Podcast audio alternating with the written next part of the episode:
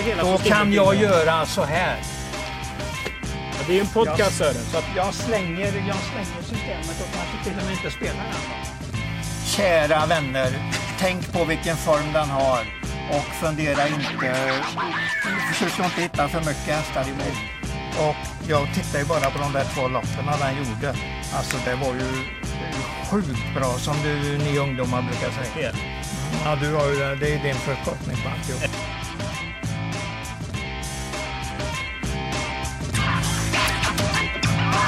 Hejsan på er och varmt välkomna till Travkött avsnitt 150 och till detta jubileum så ska vi kavla upp ärmarna och gå igenom kvalloppen till konung Gustav den femtes pokal och drottning Silvias pokal.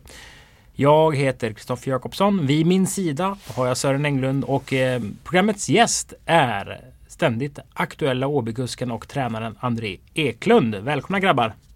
Tackar, Tack tackar. så om vi börjar med André. Stallet har eh, börjat året. Hur då tycker du? Nej, det har varit jämn hög nivå tycker jag. Um, nej, de, de tävlar jättebra hästarna så att um, nu ska det bli spännande. Nu ska vi, eller vi har börjat starta lite treåringar men vi har ju många som ska ut nu och uh, det är ju kanske den mest spännande tiden på hela året tycker jag när man får börja starta loss dem lite. Vi kör ju kvalen till pokalloppen. Ett meeting eller ett lopp som du har fina siffror i. Förra året kvalade du in Gobi Princess till drottning Silvias pokal. Året innan då var du med i travkött. Då var det Felicity Shagwell som var ditt eh, vapen. Vad är det som krävs för att de ska klara sig till finalen i, i pokalloppen? Ja, först och främst så måste det vara bra hästar såklart. Eh, sen behöver man eh, naturligtvis ha lite tur med, med startspår och sådär. Men, men framförallt så är det ju att ha hästen i toppslag när det är dags så att säga. Eh, så att eh, ha formen på 100 procent. Sören, jag såg att du skrev i Göteborgs-Posten om de här loppen. Du var lite Mm. inne på att de ofta är favoritbetonade, att det inte är någon Ja. jätteskräll att snacka om. Vad har du för minnen kring den här tävlingsdagen?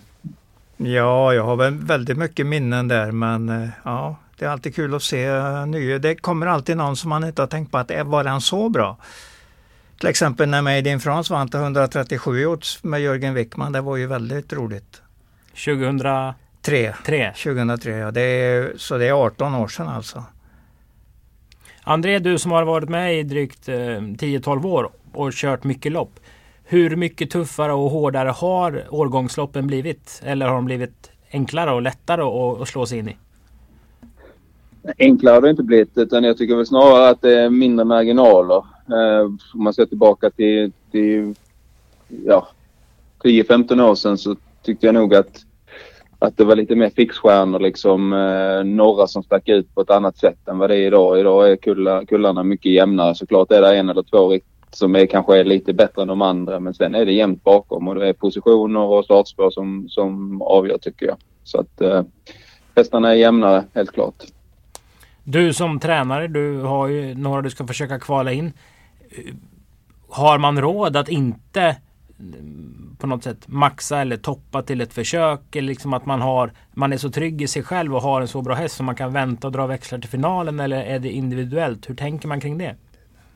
Det är ju såklart lite individuellt men, men har du har du en riktig årgångstopp eh, och du har fått ganska bra utgångsläge liksom och nöjd med hur hästen har tränat och så vidare och, så, så, så tror jag inte man behöver maxa kanske i försöken. Men, eh, men eh, för mig då som ja, låg helt underläge med mina tre så, så mm, är det klart att jag måste ha dem i toppslag och maxa för att eh, överhuvudtaget ha chans att, att ta mig till final. Så, att, så, så är det ju. Vi ska strax börja gå igenom dagen men Sören, du som har studerat listorna noggrant. Vilka hästar tycker du sticker ut på det stora hela? Eh, Mr Hercules tycker jag sticker ut ordentligt. Sen bland stona känns det... Ja, Eagle Eye Cherry, men den ska vi inte prata så jättemycket om i och med att den inte är med i streckspelen. Ja, Men jag tycker ändå. den har, den har det där hösten den gjorde tycker jag var strålande bra. Då visade han väl att han var i princip bäst i kullen. Mm. Mr Hercules och Eagle Cherry bland annat är Ja. några av de hästarna vi ska gå igenom och vi gör det genom att börja med lopp nummer ett. Ja.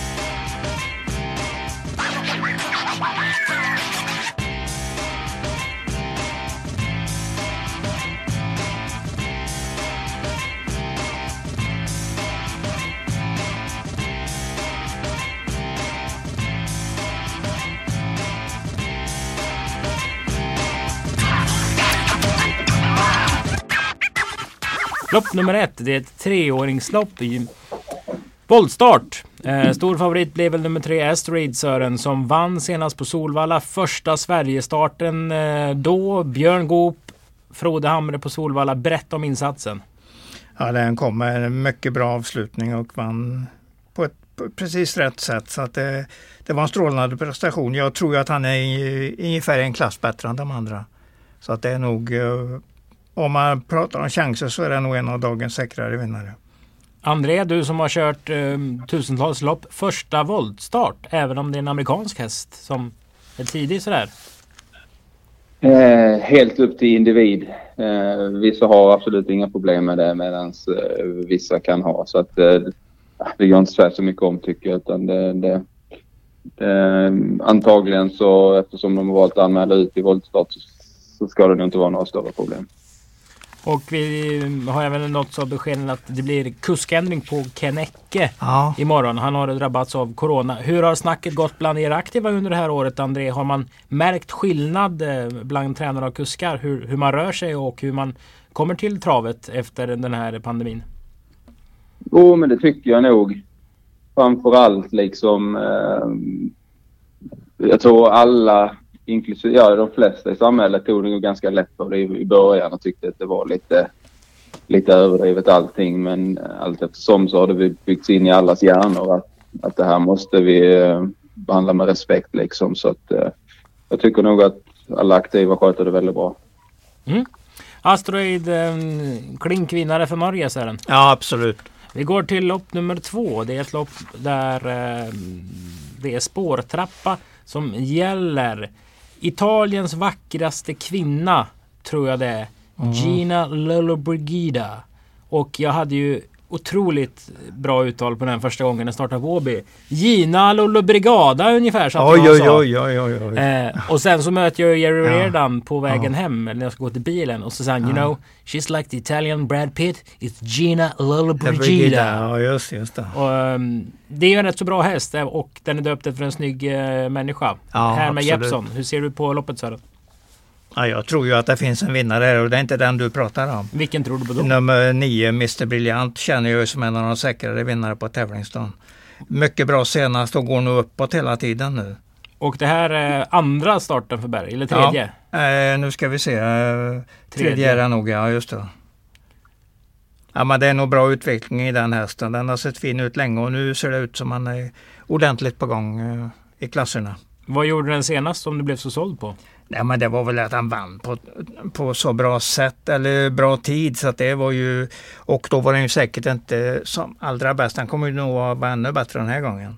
Så att det, det var ju det jag var mest imponerad av. Att jag fick sätta en etta framför den på så bra tid.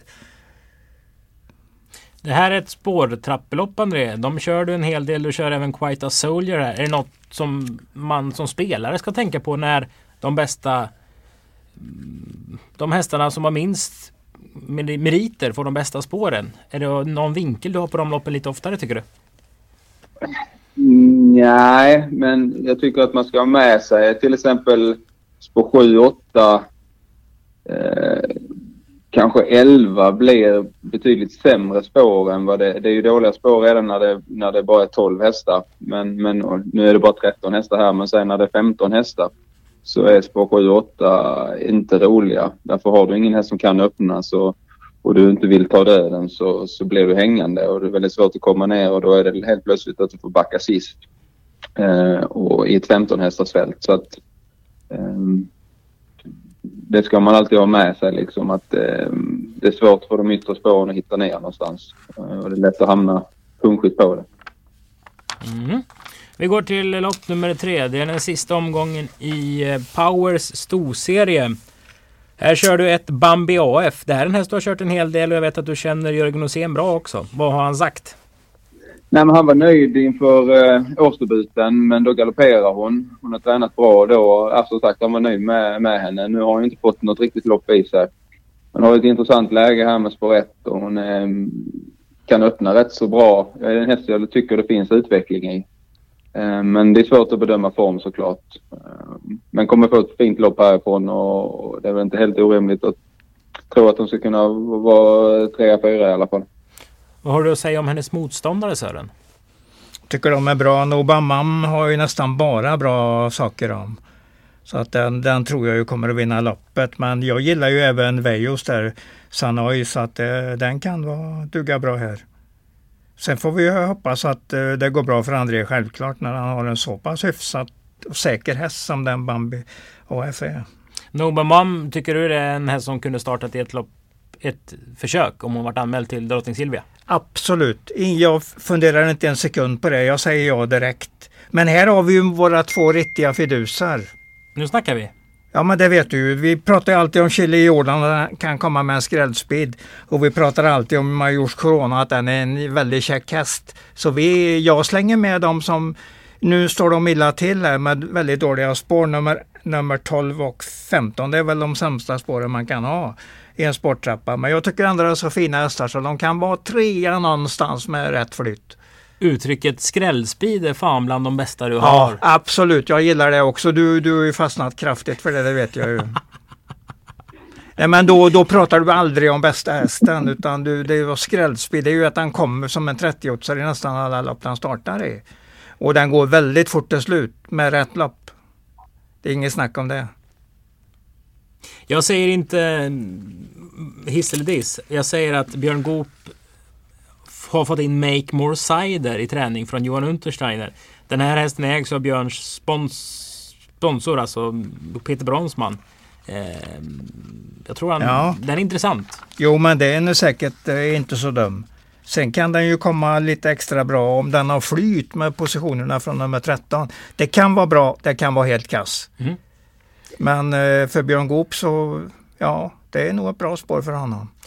Jag tycker vi gör så här Sören. Vi, ja. vänder, vi vänder blad till det fjärde loppet. Det är V64 avdelning 1. Första uttagningsloppet till konung Gustav den femtes pokal.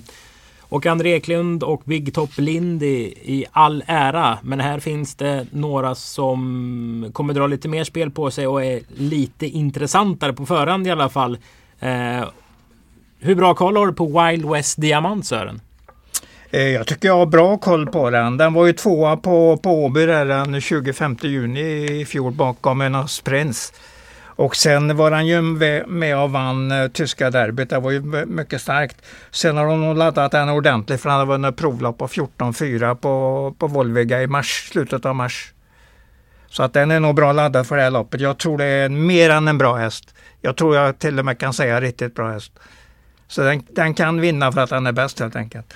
Vilken häst ser du värst emot? Ja, det är väl bärgaren. Vi vet ju inte riktigt hur bra den Rom Pace-Off är. Men den var ju dödens fram utan på Mr Hercules i Örebro från bakspår och den kämpar väl på så ungefär så bra som man kunde förvänta sig. Så att, jag tror den är ännu bättre nu. Det, vi har ju hela tiden de tankarna med Bergarns hästar. Har de gått ett lopp så är de alltid lite bättre gången efter. Vad tänkte du när du börjar få upp förhoppningen att vi kan prova till ett försök, eh, André? När är det man känner det? En sån här som Big Top Lindy som köptes i stallet eh, inför British Crown-finalen på Eskilstuna och sen har du fått jobba med honom.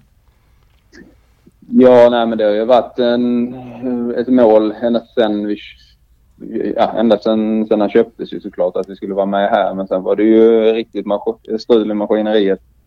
Fungerade inte alls de första starterna för mig och Eh, han fick en vinterträning och sen tog jag ut han i ett billigt lopp på Axvalla och då var han riktigt bra. Fick möta lite hårdare motstånd senast och eh, rundade de sista sju då på, på bra sätt. Så att um, det var ju väldigt skönt att vi hittade tillbaka med honom och kunde, kunde fullfölja den här planen vi, vi har haft då liksom. Sen är det ju naturligtvis så att vi slår ju upp underläge men, men jag är nöjd att ha, ha hästen idag och um, ja, det, skulle, skulle det liksom lösa sig optimalt så är det inte helt otänkbart att kunna vara trea i ett sånt här lopp. Hur lägger man upp det som kusk då? När man möter hästar. Berg har gjort en Sverigestart. Wild West Diamant har du väl aldrig sett? Hattrick som Goop kör har du Ja aldrig... men han såg väl Wild West Diamant i fjol när han var här i 25 Ja men jag tror inte han har liksom det färskt nej, nej, nej, nej, okay, Hur mycket okay. går man på statistik? Hur mycket tittar man på en provstart tre minuter kvar för liksom innan man lägger upp sin egen taktik? Jag gör inte det mycket. Alltså när jag slår underläge så måste jag bara köra min häst. Och om jag, jag måste tänka vad, vad, vad jag ska få för lopp för att kunna komma till final. Och då tycker jag att jag måste försöka komma ner till plankan. Nu blir det kanske lite svårt härifrån men, men det är kanske det vi måste hoppas på. Eh, alternativt att det blir eh, väldig körning där framme, vilket det inte brukar vara i uttagningsloppen. Så att, eh, eh, för min del så är det nog att försöka hitta så spårsnåla resa som möjligt och, och hoppas att han ska vara snabb nog upploppet ner och slå av de flesta. Sören, du älskar ju inbördes möten. Ja, det gör jag. Det är det bästa du vet. Ja, men det säger så mycket om styrkeförhållandet. Sen kan du behöver inte alltid säga att den som vann loppet är bäst, bästa hästen i loppet. Utan det kan ju vara de som är tvåa, trea som gör riktigt fina lopp bakom och kommer kanske med kanonspurt. Fiduspeeder som du vet att jag gillar. Då ska man nog nämna att Toto Barroso var ja. ju inte sådär våldsamt långt efter Wild West Diamant i Nej. det tyska derbyt. Han var inte så otroligt mycket mindre spelad heller för den delen. För Nej, det här det... kanske blir ett lopp där man tar många om man spelar V64. Mm. Ja, det känns som ett uh, lopp med en del frågetecken i. Som kan bli utropstecken? Ja, det kan det absolut bli. Det blir alltid något sånt lopp där det kommer ett utropstecken. Vi får hålla tummarna för André där, att han lyckas med Big Top Lindy. Siktar du på att vara trea så tycker jag det är en bra, bra sikte helt enkelt. Och ner till ja, Särgen har du ju sagt också, det låter också förnuftigt. Ja, vad bra, vad bra. Ja, ja okay. du får inga minus på det snacket. Hoppas att det lyckas nu. Vi vänder blad till V64 avdelning 2. Det är det femte loppet, ett uttagningslopp till drottning Silvias pokal. Jag tycker alltid, jag tycker alltid storårgångarna är svåra, tunna och ojämna och... Jag vet inte fan. Jag får aldrig riktigt någon feeling för det. Men det är kul att se fina hästar. Och det tycker jag Tre Sayonara är. Håller du med om det Sören? Den vann ju svampen men det är ju rätt så länge sedan nu. Det är ju ett och ett halvt år sedan. Och den har ju inte vunnit de sista åren. Men jag tror den är på väg uppåt faktiskt. Jag håller med dig lite grann där. Och bra läge och det var mycket utrustningssändningar på gång. Barfota runt om jänkarvagn. Så att Jeppsson vet nog precis vad han ska göra. Wallin känns som han är, är duktig på att hitta liksom rätt mm. grejer till rätt helg också. Eller till rätt lopp. Det är väl en göteborgare helt enkelt. Ja, det kan man ju, kan man ju säga. Eh, André, du har åtta Bring Me Wine som galopperade dubbelt senast. Eh, du hade väl provat en del grejer inför det. Vad gav du för svar tycker du? Nej, frågetecken. Eh, vi tog av skorna för första gången och eh, jag hade ett par, par boots på henne i provstarten men då blev hon för tung med bootsen och slog ihop så då körde jag bort till skötaren och vi tog av bootsen och då blev hon för lätt istället så att hon fixade inte riktigt det här med barfota. Eh, tycker ändå att hon fick lite större steg. Jag tyckte det drev bra för henne men hon hade problem i, i toppfart. Eh, vi ska finjustera lite, klippa av boots och så måste vi prova en gång till barfota. Jag tycker det är så fint travare så det borde egentligen inte vara problem för henne. När man säger eh, klippa av boots, kan du förklara så, så man förstår lite bättre? Ja, alltså nu hade vi ett par 110 grammare senast. Det var hon för tung med och eh, under den lägsta vikten du kan ha på ett puts egentligen är 90 gram. Eh, men jag vill ha lite mindre så att då klipper man helt enkelt av gummibotset längst ner. Så att eh, botset blir lättare. Så att jag vill ha 70 grams bots på henne nu. Um, så, så får jag hoppas att det kan fungera. Uh, jag tror att det ska göra det i alla fall det är rätt så häftigt när man ställer mm. det i situationen med att det är 500-450 kilo häst och så snackar du 200-300 gram totalt som är jämfört med... Du menar på alla fyra hovarna? Ja, men precis. Ja. Att det är fiasko eller succé, mm. det vet man ju inte nu. Mm. Men att man ändå har den uh, feelingen och den känslan. En, en bra Bring Me Wine, kan hon uh, öppna så bra från start så hon kan komma till spets? Nej, inte riktigt så snabb är hon tyvärr. Hon öppnade ju riktigt bra på Solvalla. Eh, ja, för tre starter sen. Eh, men, men eh, då hade hon ju innerspår och höll, höll ut de andra. Jag tror inte att hon är så snabb. Jag har dålig koll ska jag säga på, att, på hur snabba de är invändigt om. Men, men hon är ingen superblixt. Så att, eh, jag tycker ändå att vi kan inte backa utan vi måste prova framåt och försöka hitta ner. Eh, så att jag kommer köra vad som, vad som går i alla fall. Så får vi se. Men, men känslan är inte att jag kan komma till någon ledning. Vem spetsar här Sören? Eh, sayonara med de här eh, Jeppson och de ändringarna som gäller. då är det säkert uh, ordentlig satsning där och Jeppsson är ju näst, ja han lyckas ju hur ofta som helst när han har en plan på alltihopa. Så att den tror jag spetsar. Men sen om den uh, vinner för det, det är inte säkert. Vem vinner då? Ja, jag tycker att Alian Hill är bästa hästen i loppet. Men den är lite strulig så att den kan vara borta redan i första sväng om, uh, om man spelar den. Då har man ju otur om det är just en sån dag. Då. Men den är jättebra i övrigt. Årsdebuten var strålande och någon start i höstas var ju lätt 11 sista varvet i spets. Så det var ju liksom nästan åkandes i mål. Så att den har hög kapacitet och jag säger den har högst kapacitet. Även om jag inte kan bärgarns ordentligt. Men det, det, såg ju mer än bra ut på Örebro när den satt fast invändigt där. Mm, kom ju aldrig ut, ut där. En Nej. annan som är jättefin, i alla fall att titta på, det är ju ett Ester Vibb. Hon ja. var ju med i samma lopp som 50 Cent Piece senast på Örebro. Um, nej, läcker häst. Det känns som um, man inte vet så mycket om det här heller så Nej, det är väl att uh, sju och sex är de kapablaste hästarna tycker jag. Och sen att upplägget är rätt så säkert att Jeppson sitter i spets i första sväng. Det är det jag kan gå på i loppet. Har den kunnat öppna innan? Ja, ja visst. Det, och Jeppson kan ju alltid öppna. Han kan ju öppna med en möbel nästan.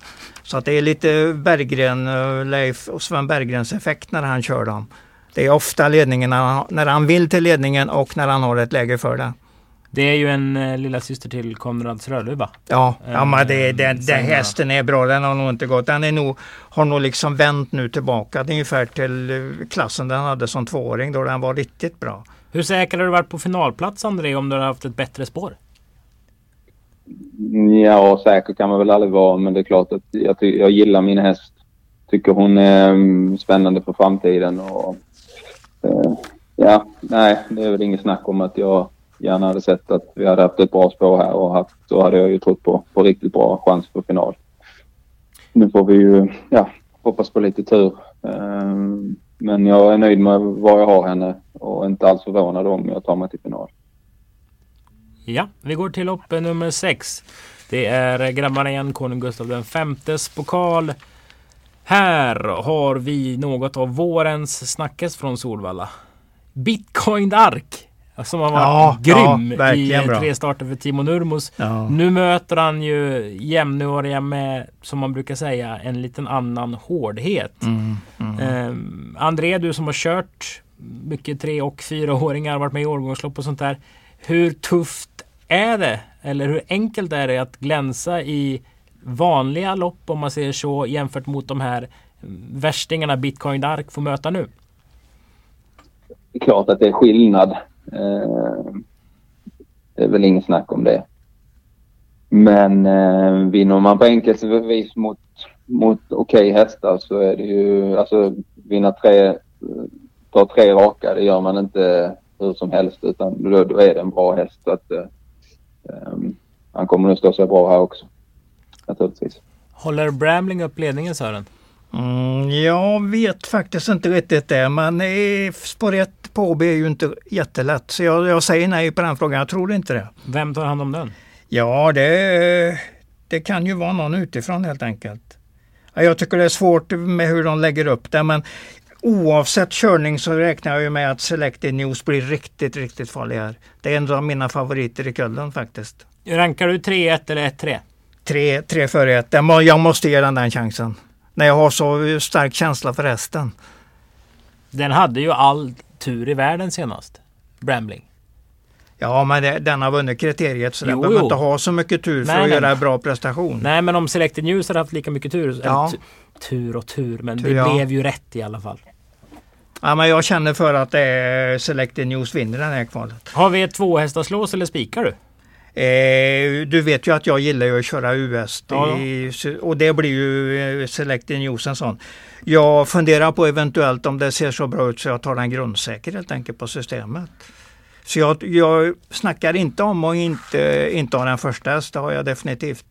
Och så är det ju nu Torbjörn Jansson som kör igen. Det, det gör ju ingenting. Jag ser gärna att Hans-Ove Sundberg kör men jag menar när det gäller så vill jag hellre ha Torbjörn Jansson. Mm, en fin gubbe. Ja verkligen, jag gillar honom skarpt. Ända sedan Vilde Villes tid. Vilket år snackar vi då? 66, 67 någonting. 68 i kriteriet. Den vann, den vann um, kungapokalen. Jaha. Och var... Körde, kör, med Torbjörn? Eh, nej, nej, då var han 13, var han 12-13 år bara. Han ägde den, han stod som ägare till den. Gjorde Torbjörn det? Ja, men hans pappa körde, Torsten Jansson körde mm. den. Ja, det var, det var en, nästan en av mina första favoriter på Axvalla. För de var ju på Axvalla då. Ja, ja. Så ja. Torbjörn Jansson har ägt en kungapokalsvinnare 66? Ja, jajamän, jajamän, visst är det så. Det, man lär sig någonting nytt André. Ja, visst. Och Ville ja, Ville var ju vansinnigt bra häst. Ja. Du fick något drömst i blicken nu Englund när du fick Ja, jag gillar, jag gillar den skarpt. Ja, du, jag tycker vi går vidare. Uh, vi behöver inte nämna alla hästar i Nej, nej, herregud, herregud. Mr Hercules var en av hästarna vi pratade om eh, tidigare. Eh, när, vi, när jag bad Sören snacka upp hela kvalloppscirkusen. Och det här är ju en häst som är jättebra. Den kvalar snabbt som treåring. Vann allt förutom kriteriet. Mm, det gjorde den. Hade nog en liten eh, formsvacka just då men kom ju tillbaks ordentligt i British Crown senast. Senare, senare på året. Som avslut på det året. Ja, jag gillar den. Jag tycker det är en strålande bra häst. Men nu ska den tugga utvändigt i Önas Prins. Ja, det är, men det är bra när man har ett nästan säkert loppscenario. För att här är ju Önas Prins i ledningen nästan till 100 procent. Mm. Och då får han, han har ju detta, han vet ju att han kommer att hamna där. Och så gäller det bara att vara tuffare sista 100 metrarna och det tror jag inte är några problem alls. Eller André, när man vet som vi pratar om, ett givet loppscenario att Önas Prinsen är en spetshäst, Mr Hercules på utsidan. Hur viktigt är det att vinna sina uttagningslopp? Det är väl en... Ja, det är ju... Det är väl klart att det är jätteviktigt så du får ett bra startspår i finalen. Eh, när det är ännu mindre marginaler. Så att, eh, det är väl klart att det är viktigt. Men sen om, om det är viktigare än att... Alltså om man ska tömma sin egen bara för att vinna istället för att vara tvåa. Totaltömma. Det, ja, det, det, det, är svårt att bedöma. Det är väl olika från häst till häst. Jag vet inte, Mr Hercules. Han har ett lopp innanför västen. Jag tror nog att Redén gärna ser att han får springa sig riktigt trött den här gången. Eh, så att jag tror inte Örjan lämnar någonting åt slumpen utan det, det blir nog mangel på utsidan annars Prince, det skulle jag tro. Kan det komma en tredje då Englund? Ja, det kan det ju nästan alltid sådana här lopp när de är på väg ordentligt uppåt i form. Jag gillar ju den där Fed, Fade to Black Ås där, nummer 6. Den satt ju fast bakom Mr Hercules senast. Och eh, vad fanns det kvar? Ja, han hade inte kunnat vunnit loppet antagligen, men den känns ändå som den är ordentligt på väg uppåt. Bara en seger, det känns lite för en så pass bra häst. Så att det, kan, det känns som en fidus för mig i loppet om man, jag funderar ytterligare. Men jag tror ju Mr Hercules vinner. Härligt, härligt. Vi går vidare till det åttonde loppet till ett nytt uttagningslopp till konung Gustav den femtes pokal. Och Manny Muscles är ju favorit till att vinna alltihop på ATG.ses långtidsspel. Mm, mm, okay. Det kan jag ju syna alla dagar i veckan. Ja, ja, det kan jag också syna ärligt talat. Men jag tror att det är en ganska bra häst, det tror jag ju. Så att det, det, finns lite, det finns lite fog för att tro mycket på den. Det... Till och med i finalen alltså. Jo, Till och med i finalen. man ska komma ja. dit också. Den ska komma dit, ja. Det här är ju ett lopp där och det är en tävlingsdag där det är mycket rött om man säger så André i utrustningsväg. Mm, det är mm, många som mm. provar köra barfota. Man växlar upp med, med vagnar och dylikt. Eh, hur ser man hur ser ni som, som kuskar runt en hel del och tränar på det? Är det den betydelsen som många spelare analyserar som att det, då är det iordningställt? Eller kan det liksom vara ett sista försök till att höja hästen fast den kanske inte är bättre med det? Ja, så är det väl. Men i de här sammanhangen så är ju eh, så är det ju alltid liksom för, för att maxa för att ha chans att ta sig till final liksom. Inte lämna någonting åt slumpen. Är det, i vanliga lopp, 20 000 kronors lopp, så är det väl för att hästen inte är bättre helt enkelt. Så man, man provar att ta det sista. Men här är det ju liksom...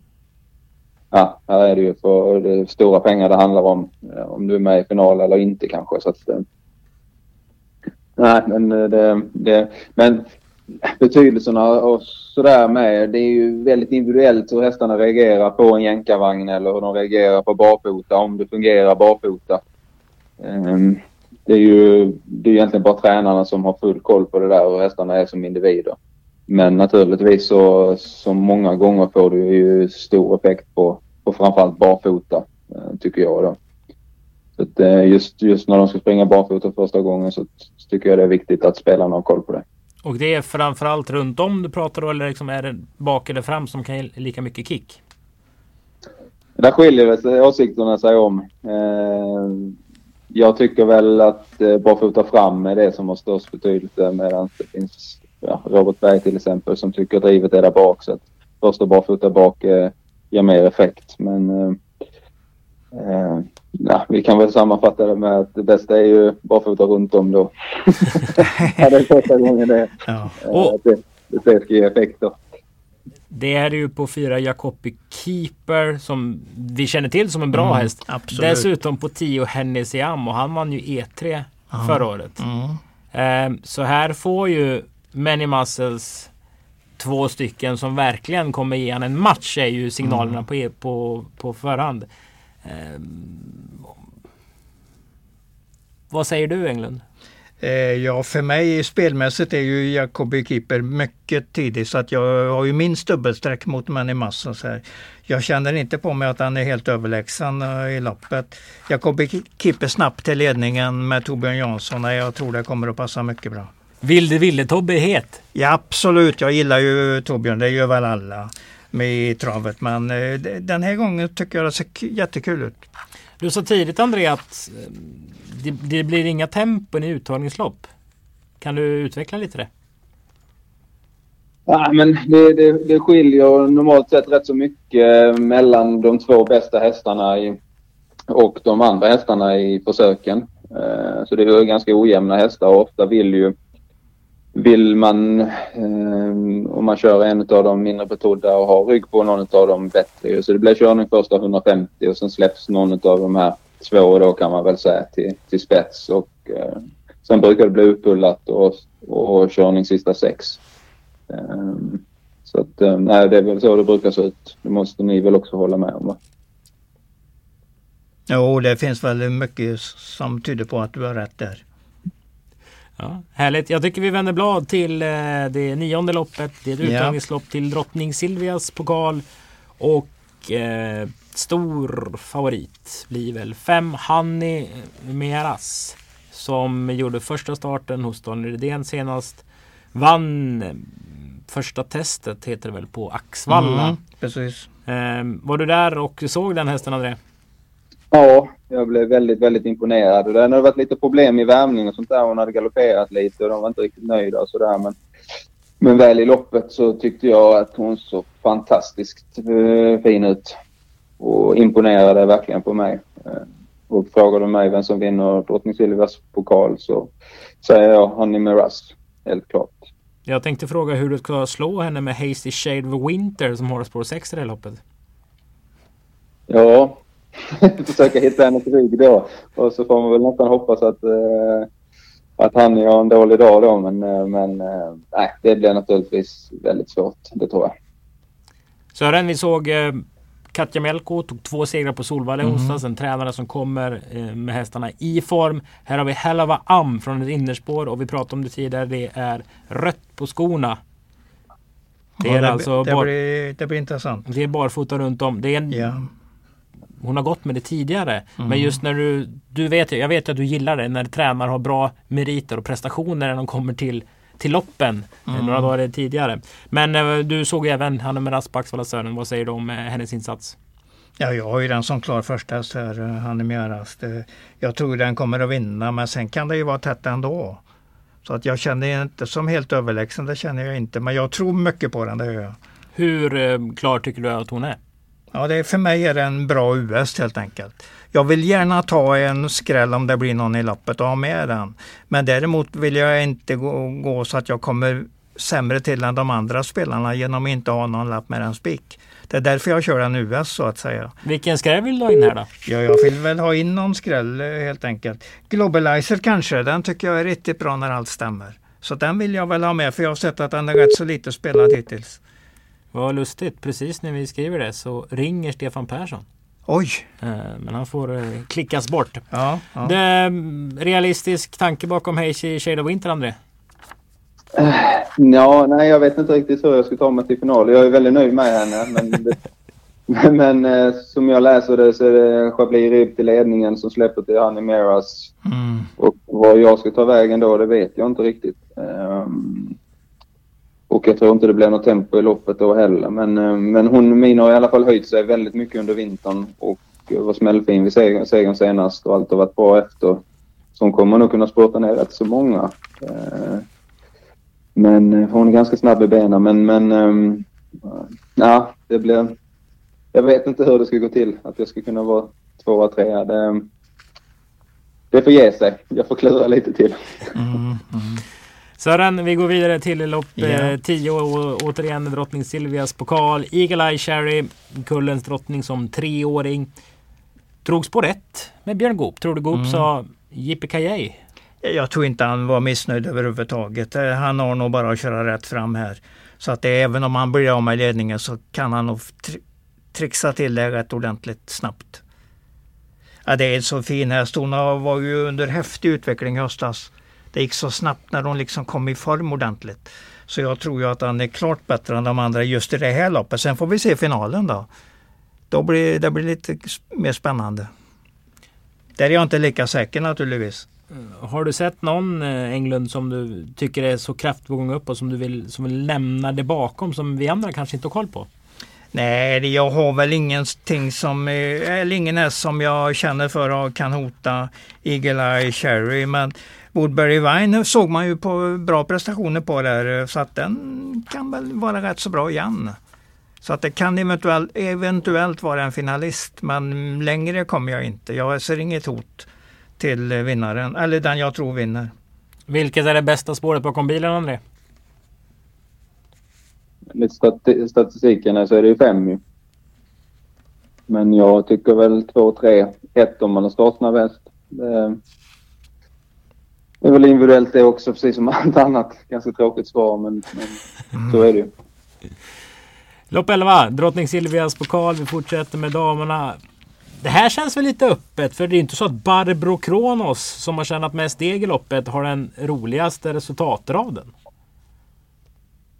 Nej, alltså resultatraden har den ju inte men nu har den åtminstone två lopp i kroppen. Och det är ju en hög klass i den hästen. Så här, här tror jag att det är så bra häst att den bara åker ifrån dem. Men jag är lite rädd för nummer ett, eh, Joyfeld Trick som jag tycker har gått bra till och med i V75-lopp där, eller i diamantstorlopp. eh. Så att eh, när den har spår ett så kommer den att ligga ganska bra till i loppet och då kan den hota. Men jag har svårt att tro att det inte blir femman eller ettan som vinner. Uttagningslopp på Åby innebär dubbla open stretch. Vad blir skillnaden på en, sån omgång André jämfört med kanske om man kör på en vanlig bana? Nej, jag vet inte. Alltså det, dels så är det ju att när det är open stretch så, så, så släpper man ju gärna, eller hellre ledningen än vad man gör på en, på en bana utan open stretch. Men framförallt så kan man väl säga att hästar som, eh, som man ligger lite lågt med eller något sånt så är det ju eh, klart plus att få komma ner till sargen eftersom att upploppet ner så, så sprids hästarna åt alla håll nästan. Typ de försvinner lite neråt och någon går utåt så att ofta kan man bara köra rakt fram och få fina pengar med sig fast att, att um, ja, man sitter en bra bit bak invändigt så att säga. Uh, så att man kan ge hästarna lite snällare, snällare resor än på andra banor. Um, och det blir ju för de som um, sitter får göra jobbet sista sju till tredje, färdespår så är det ju betydligt jobbigare för dem att stå emot dem invändigt upploppet ner än... Eh, ja, de får ju inte helt enkelt chansen på vanliga banor så att eh, det är tuffare att vandra i tredje spår sista sju på Åby än någon annan bana. Så, så kan man säga. Har man som frekvent Åbykusk lite, lite fördel att man är så van med open stretch och tar besluten lite snabbare än, än kuskar som kommer hit som inte kör lika regelbundet på HB kanske inte har den finessen inbyggd i, i, hjärnan? Eller lär man sig bara direkt? Nej, men så är det säkert. Jag tror att eh, de flesta som kör mycket på HB, i alla fall jag, ehm, har det i huvudet egentligen hela loppet och har koll på framförallt på vilka hästar som sitter på innerspår. Eh, det gäller ju liksom, det är ju ett stort plus om man kan köra invändigt men det gäller ju att inte hamna bakom några dåliga ryggar då liksom. Så det gäller ju att ha koll på, på vilka hästar man får framför sig invändigt då. Eh, så att de, så att de tar en fram till upploppet så att säga. Ehm, så att, eh, nej det är klart att man, det tror jag är en vanesak faktiskt. Det tror jag. Mm. Vi avslutar dagen med det tolfte loppet. Det är ett lärlingslopp med voltstart. Och det här ligger ju placerat så att man ska hinna till lottningen som sker efter lopp 12. Ja, Men det kan ju också bli en het böna om det blir mycket omstart där och så suckar folk framför datan och tvn och tänker lärlingar aj, aj, aj. och voltstart. Men Eklund, du som är hyggligt färsk i alla fall har ju alltid gillat våldstart vad jag förstår. Ja, det har jag gjort. Och jag tycker nästan det bara blir roligare och roligare fortfarande. För det, det är så mycket timing, det är så mycket kunskap och du kan alltid bli bättre på det. Eh, så att nej, man försöker alltid utveckla sig själv. Det som ska sägas med lärlingarna, det är inte konstigt att det blir en massa omstarter på V75 och sånt när de, får, när de är där och voltar. För det är en väldigt, väldigt få lopp de får volta i. Det, nästan alla lärlingslopp som skrivs ut det är ju autostart. Och kör de breddlopp så är det autostart. Så att de enda gången de voltar är nästan när det är V75 och då är det inte konstigt att det blir massa omstarter. Så jag, tyck, jag tycker nog att eh, svensk travsport måste ta en, en, och tänka till lite och ge lärlingarna lite mer voltstartslopp så att de får chansen att, att lära sig och utvecklas. Om du skulle ge tips till unga killar och tjejer som kör lopp och som ska ut och volta. Vad är det man ska ha som nybörjarguide liksom i voltstart? Ja, jag tycker att eh, man, ska, man ska välja en kusk i en hel månad. En av toppkuskarna som man tycker är bra på att volta. Säger Erik Adelsson till exempel. Och så kollar han volta en hel månad. Varenda lopp han är med i voltstart så kollar man hur Erik gör. Sen nästa månad så väljer du kanske Carl-Johan Jeppsson som också är grym i volt. Då tittar man hur han gör. Och då är det liksom eh, riktig granskning på, på, på, precis var och när han vänder upp i banan vid till exempel springspår eller och då kan man ha tidtagare och se hur många sekunder som har gått och var han befinner sig i banan då och sådär. Så det, liksom, det gäller bara att plugga, plugga, plugga och verkligen granska de som är bra på det, vad de gör och varför de är bättre än de andra. Mm. Och här Sören har jag dagens bästa vinnare. Har du det ja? jag tycker Ultra ja, Violet är anmäld i fel lopp i princip. Ja, det hade ju inte gjort någonting om den hade gått till kvalen till uh, Hade den suttit tredje invändigt och om vi går på Andres uh, teori att ja. det ofta är lite lågt tempo i loppen, mm, alla har lite mm. krafter kvar till slut. Hon kan flytta på sig. Här tycker jag William Ekberg har en suverän uppgift. Ja, jag håller med dig helt. Jag har den också som första. Det snackar vi, behöver vi inte snacka om. Har du något där bakom som inte vi vet? Ja, kanske nummer fem där och Gogo Guld som jag tycker för Peter Ingves gjorde några riktigt trevliga lopp under vår och vinter, eller eh, höst och vinter. Så att skulle Kevin få till den ordentligt så kan den skrälla och det här har vi nog en 20-30 odds eller någonting. 20, 20 i alla fall. Han står väl inte mer Kevin, nästan vem man än kör. Men okej, okay, jag, jag, säger ändå att det kan vara en farlig outsider i loppet. Men min första S är också ultraviolett. Mm. Om vi ska dra ihop säcken så ber vi André berätta vilken är, som är den troligaste av hans som går vidare. Ja, trolig. Jag, jag, jag tycker det, det ser svårt ut, ut för dem alla tre naturligtvis. Men um, den som har visat i alla fall att uh, skulle kunna vara med och hugga i en eventuell final så jag tycker det är Bring Me Wine för hon, uh, hon eh, har de egenskaperna som, som krävs tycker jag. Nu eh, har hon så sämsta spåret så det kanske blir svårt men jag får väl säga henne då. Uh, Big Top Lindy också. Han har ju varit med i en Breeders-final och visat att han har eh, tålt de gängen liksom och hävdat sig bra. Men eh, ja, det är samma där. Vi, vi kräver, det krävs otroligt tur för att vi ska hitta rätt position i försöket för att kunna ta oss till final. Så är det. Ja. Sören, dina tre bästa spel då under ja, tävlingsdagen. Vart har vi dem? Du André, jag har sett här att du har ju 6, 8, 6. Det är ju inte de spåren man väljer om man får välja på en blank eh, startlista. Nej, det stämmer. Men eh, som sagt, vi håller verkligen tummarna för dig. Kommer de här ja. märrarna vara med i Storchampionatskval och guld, uh, Derbystorkvalen sen eller? Ja, det är ju planen. Ja, eh, bra, bra. Klart. Då håller vi tummarna för det också. Ja, det är bra så. Tack ska du ha. Jajamän. Vad sa du nu, tre hästar som vi ska kunna spela på? Ja. Mr eh, Briljant där eh, känner jag en hel del för. När Bergan kör den nu. Ja. Lopp två, nummer nio. Ja, och sen Selected News, det är väl min roligaste spel på hela dagen tycker jag. För den känner jag så väldigt mycket för. Och sen om jag ska ta en som känns någorlunda säker så är det ju Mr Hercules. Ja, ja. det är tre bra det, hästar. Ja, absolut. Ja. Det är inget fel på de hästarna. Absolut inte Selected News och inte Mr Hercules heller. Mr Billiard vet vi, eller vad heter han nu, en briljant? briljant. Vet vi ju inte riktigt hur bra den är, men med Bergaren andra gången då den vann på 12 och 9 senast så lär den ju vara klart intressant den här gången. Och framförallt så är det ju inte världens roligaste lopp eller kupong att spela på nej, heller. Nej, men det är nej. fantastiska hästar och, och grym travsport ja. att titta på. Och eh, vi tackar för att ni har lyssnat på avsnitt 150 av Travkött tillsammans med Kristoffer Jakobsson, Sören Englund och eh, stort tack till gästen André Eklund. Tack så mycket. Tack, tack. Och då håller vi tummarna. Det så kan vi sammanfatta. Vi, sen måste vi verkligen göra. på återhörande. Hej då!